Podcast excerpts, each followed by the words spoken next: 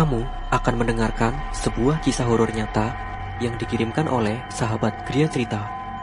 Sebelum lanjut ceritanya, jangan lupa klik tombol subscribe dan nyalakan lonceng notifikasinya.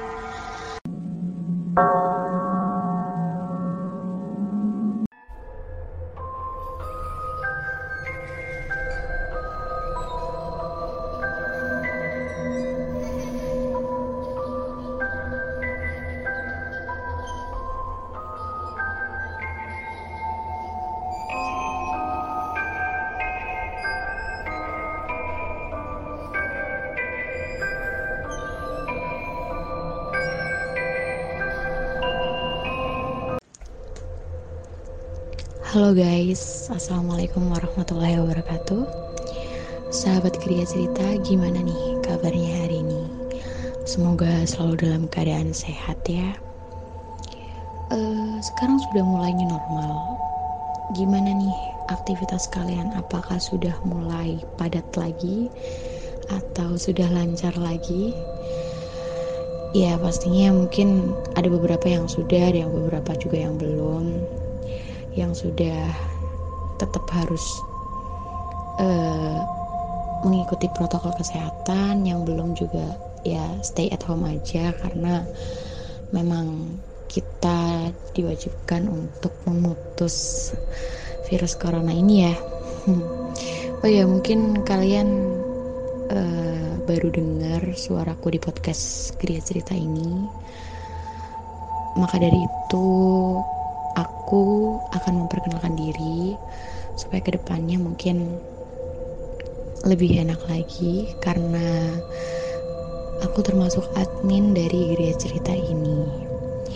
Ya, perkenalkan nama aku Binar Ufuk Hirarki. Kalian bisa panggil aku Binar. Nah, ke depannya aku bakal membacakan cerita dari pengirim wanita dan begitupun Ainul dia akan membawakan cerita dari pengirim pria seperti itu. Sebelumnya aku mau mengucapkan terima kasih nih buat teman-teman yang udah mengirimkan ceritanya lewat email atau WhatsApp yang sudah tertera di description box. Uh, nanti ketika ada kesempatan aku akan membacakan ceritanya dan di kesempatan kali ini juga aku akan membacakan salah satu cerita dari sahabat Gria Cerita yang sudah mengirimkan ceritanya lewat email yang ada di description box atau di gmail.com seperti itu. Oke mungkin cukup perkenalannya. Kita langsung aja mulai ke ceritanya jadi di sini aku dapat kiriman cerita nih dari Mbak Bella. Buat Mbak Bella makasih karena sudah mengirimkan ceritanya. Kita langsung mulai aja. Jadi namaku Bella. Kejadian horor yang aku alami ini sudah terjadi sekitar ya tiga tahun lalu. Tapi meskipun kejadian itu sudah lama terjadi uh, kejadian itu masih sangat jelas melekat di ingatanku gitu. Bahkan aku selalu merinding apabila aku mengingat kejadian yang aku alami ini. Jadi kejadiannya itu bulan Juni tahun 2018 aku masih duduk di kelas 2 SMA dan saat itu aku lagi senang-senangnya nih. Karena aku naik ke kelas 3 dengan nilai yang cukup memuaskan. Setelah terima raport, aku diajak mama dan papa pergi ke Jakarta karena memang sebenarnya aku lahir di Jakarta. Tahun 2015, papa pindah kerja di Surabaya sehingga akhirnya aku mau nggak mau dan sekeluarga harus pindah ke Surabaya dan menetap di sana. Tapi meskipun demikian, rumah kami yang berada di Jakarta juga nggak kami jual ataupun kami kontrakan. Dan meskipun rumah itu kosong, tapi mama dan papa itu memiliki atau membayar orang untuk selalu membersihkan dan merawat rumah itu dengan baik. Orang yang biasa membersihkan rumahku itu merupakan suami, uh, pasangan suami istri, namanya Pak Didi dan Bu Satija. Uh, sebenarnya Papa menginginkan mereka untuk menempati rumah itu karena mereka kebetulan juga dari Jawa. Mereka berjualan soto dan bakso di Jakarta. Ya, daripada mereka ngontrak, papa uh, meminta mereka tinggal di rumah itu. Dan tinggal secara gratis. Semua fasilitas di rumah juga boleh dipergunakan dengan cuma-cuma. Kalau aku jadi mereka sih, tentu tawaran itu sangat menggiurkan. Tapi entah mengapa, dengan halus mereka selalu menolak tawaran papa. Ya, papa juga nggak bisa memaksa juga. Karena kami asli orang Jakarta dan kami masih mempunyai rumah di sana. Jadi setiap aku liburan sekolah, pasti aku, mama, dan papa berkunjung ke rumah lama kita. Aku juga senang banget kalau berkunjung ke Jakarta. Aku bisa aku bisa bernostalgia gitu, mengenang masa kecilku. Di halaman belakang rumah ada ayunan dari besi yang waktu aku masih kecil. Aku biasa mainan di ayunan itu bareng Rizal. Ya Rizal itu adalah sahabat kecilku. Tapi sayang waktu kelas 4 SD Rizal sakit dan dia lebih dulu menghadap yang kuasa dan sekarang aku berkunjung ke Jakarta untuk mengenang masa lalu aku tersenyum-senyum sendiri mengenang masa-masa indah itu saat aku kecil dulu Sore ini aku duduk sendiri di atas ayunan. Iya, ayunan besi itu ada dua. Dulu aku selalu duduk di sebelah kiri dan Rizal selalu duduk di sebelah kanan. Tapi sekarang aku terduduk sendiri di atas ayunan kenangan ini. Tak terasa air mataku menetes mengenang masa-masa itu. Kebetulan aku anak tunggal jadi nggak ada yang menghibur aku di saat aku lagi sedih kayak gini aku tersentak kaget dari lamunanku saat aku mendengar dencitan besi yang bergesekan. Saat aku menoleh ke kanan aku melihat ayunan kosong di sebelah kananku terayun-ayun seperti ada yang menaiki. Dan suara dencitan yang memilukan tulang itu berasal dari besi bagian atas ayunan. Yang mungkin berkarat karena udah lama gak dipakai. Ayunan di sebelah kananku itu terus terayun pelan. Tak terasa, aku merinding. Tapi toh, aku tetap berpikir positif Mungkin saja ayunan itu terkena angin, sehingga ayunan itu terayun-ayun dengan sendirinya. Kemudian aku melihat HP dan ternyata udah pukul 5 sore lebih. Aku bangkit dari dudukku dan dari ayunan itu tapi ayunan itu masih terayun-ayun dengan dencitan besinya yang entah mengapa sangat menyentuh hatiku dan membuat bayangan masa kecilku dengan Rizal seakan-akan berlarian di pikiranku. Aku berjalan masuk ke dalam rumah dan berniat mandi karena memang sore itu aku belum mandi. Suara mama dan papa yang ngobrol di ruang tamu terdengar sayup-sayup.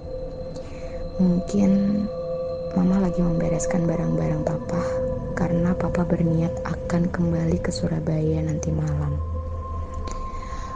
karena papa cuma cuti kerja dua hari. Sementara aku dan mama tinggal di Jakarta sampai liburan sekolahku selesai. Papa juga akan ke Surabaya naik kereta karena mobil ditinggal di Jakarta untuk keperluan aku dan mama kalau ada atau ingin bepergian. Um, aku masuk ke dalam kamar untuk mengambil handuk dan langsung masuk ke kamar mandi. Lampu kamar mandi itu memang masih mati, jadi begitu aku membuka pintu kamar mandi, tanganku langsung meraba ke tembok. Samping pintu untuk mencari saklar lampu. Iya, saklar lampu aku tekan dan cahaya lampu menerangi seantero kamar mandi. Aku menoleh ke bak mandi dan aku sangat terkejut. Di dalam bak mandi, aku melihat sosok cewek bermuka rata, tanpa mulut, tanpa hidung, dan tanpa mata. Sosok itu duduk di dalam bak mandi. Dari pundak ke bawah, tubuhnya tenggelam di dalam air. Aku berteriak sekeras-kerasnya, memanggil mamah dan papa dan mereka langsung berlarian menghampiriku. Ada apa sih? Tanya mama. Itu mah, ada hantu di kamar mandi. Jawabku sambil menangis dan memeluk mama. Hahaha, mana ada hantu? Zaman internet gini, kok masih takut hantu? Ujar papa sambil tertawa menenangkanku. Ih, ada pah di dalam bak mandi, ucapku masih gemetar. Lalu papa mengecek ke kamar mandi dan ternyata nggak ada apa pun di sana.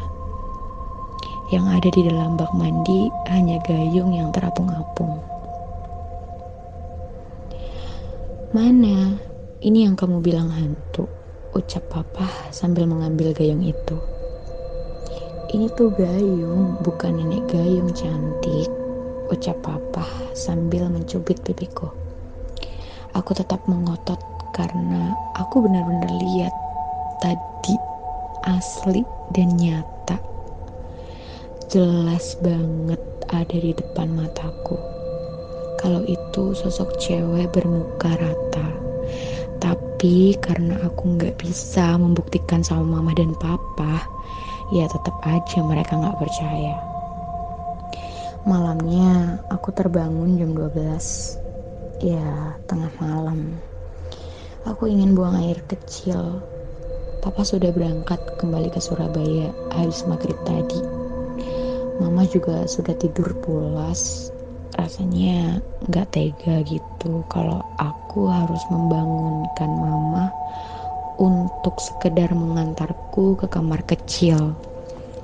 Walaupun aku masih takut dengan sosok cewek muka rata yang ada tadi sore dan aku lihat. Tapi rasa takutku kalah dengan rasa keinginanku untuk buang air kecil. Akhirnya aku pergi ke belakang sendiri. Saat aku mau masuk ke dalam kamar mandi, aku mendengar dencitan ayunan itu lagi. Entah apa yang mendorong aku, tiba-tiba aku berjalan ke arah pintu dapur. Dan saat aku melihat ke arah ayunan itu, aku melihat aku kecil dan Dimas kecil yang sedang bermain-main di ayunan itu. Aku terbelalak melihat semua itu. Dimas kecil melirik ke arahku. Aku melihat mukanya sangat pucat. Dia memandangiku dengan matanya yang hitam. Tubuhku lemas dan akhirnya aku jatuh tak sadarkan diri. Paginya aku ditemukan mama sedang tergeletak di pintu dapur. Ya awalnya memang mama sampai panik, tapi alhamdulillahnya aku nggak apa-apa kok. Ya mungkin sekian dari aku lain kali aku sambung lagi. Terima kasih Kak Binar yang sudah membacakan ceritaku. Maaf kalau ceritanya jelek dan acak-acakan. Salam dari Bella di Surabaya. Nah, jadi seperti itu cerita dari Bella. Mungkin memang uh, kebanyakan rumah yang sudah lama tidak ditempati pasti ada hal-hal mistis seperti itu.